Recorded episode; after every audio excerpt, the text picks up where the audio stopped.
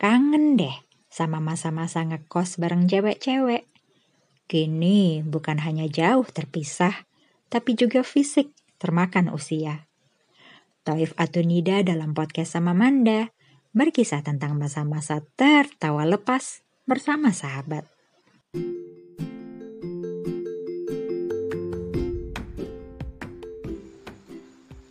Aku mau menceritakan kisah pertemananku dengan sahabat namanya Neko.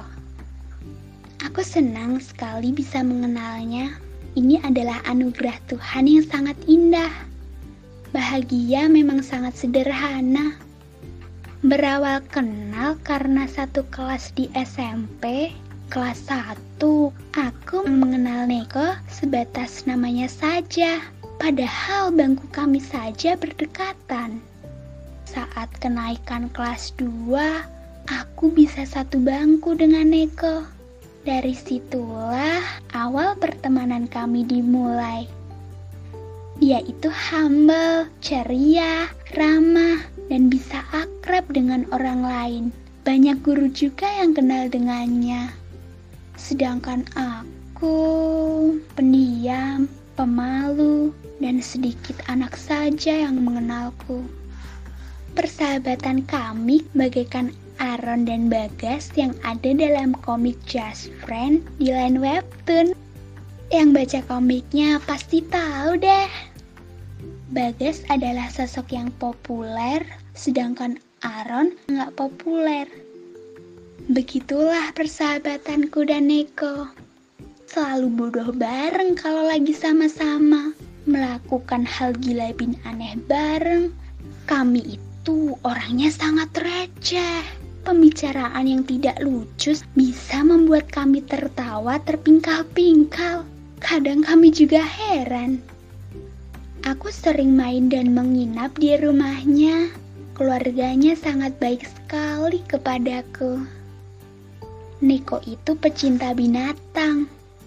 Ada kelinci, ayam, kucing yang dipeliharanya di rumah. Dia tidak memelihara satu kucing saja loh, melainkan belasan.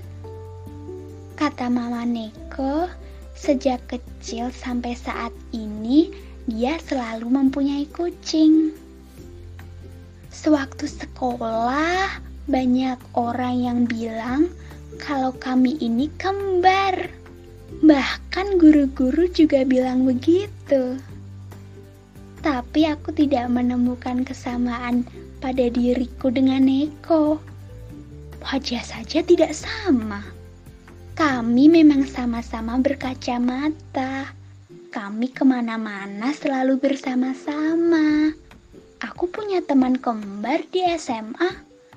Mereka tidak selalu sama-sama tuh kecuali saat berangkat atau pulang sekolah. Persahabatan kuda Neko berlanjut hingga kami SMA dan kuliah. Waktu kuliah kami bahkan satu kamar kos. Sekarang sih lagi pandemi, jadi kami kuliah secara online di rumah masing-masing. Namun kami tetap sering main bersama-sama. Kalau main di luar rumah, selalu pakai masker. Mempunyai satu teman yang berkualitas lebih berarti dibandingkan banyak teman namun suka menindas. Terima kasih Neko. Terima kasih sudah hadir di dalam kehidupanku. Mau menjadi temanku. Terima kasih sudah mau mengerti orang berwajah datar sepertiku ini. Semoga persahabatan kita akan terus berjalan walau kita sudah berkeluarga nanti.